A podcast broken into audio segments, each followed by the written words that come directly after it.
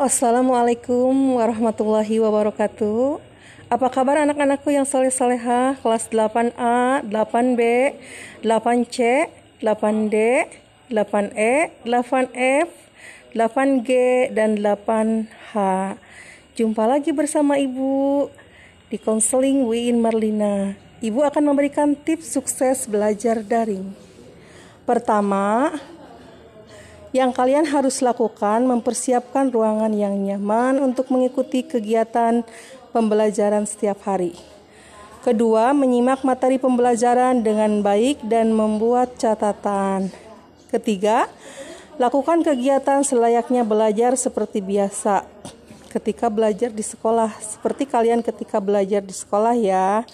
Keempat, kalian membuat pengingat diri untuk jadwal pembelajaran dan tugas-tugas dari setiap guru mapel. Kelima, jangan duduk terlalu lama anak-anak ya. Kalian lakukan relaksasi tubuh, bisa dengan menggerak-gerakkan tangan ataupun kaki. Yang keenam, mengelola stres dan menyalurkan hal-hal positif. Tetap semangat ya anak-anak di saat daring.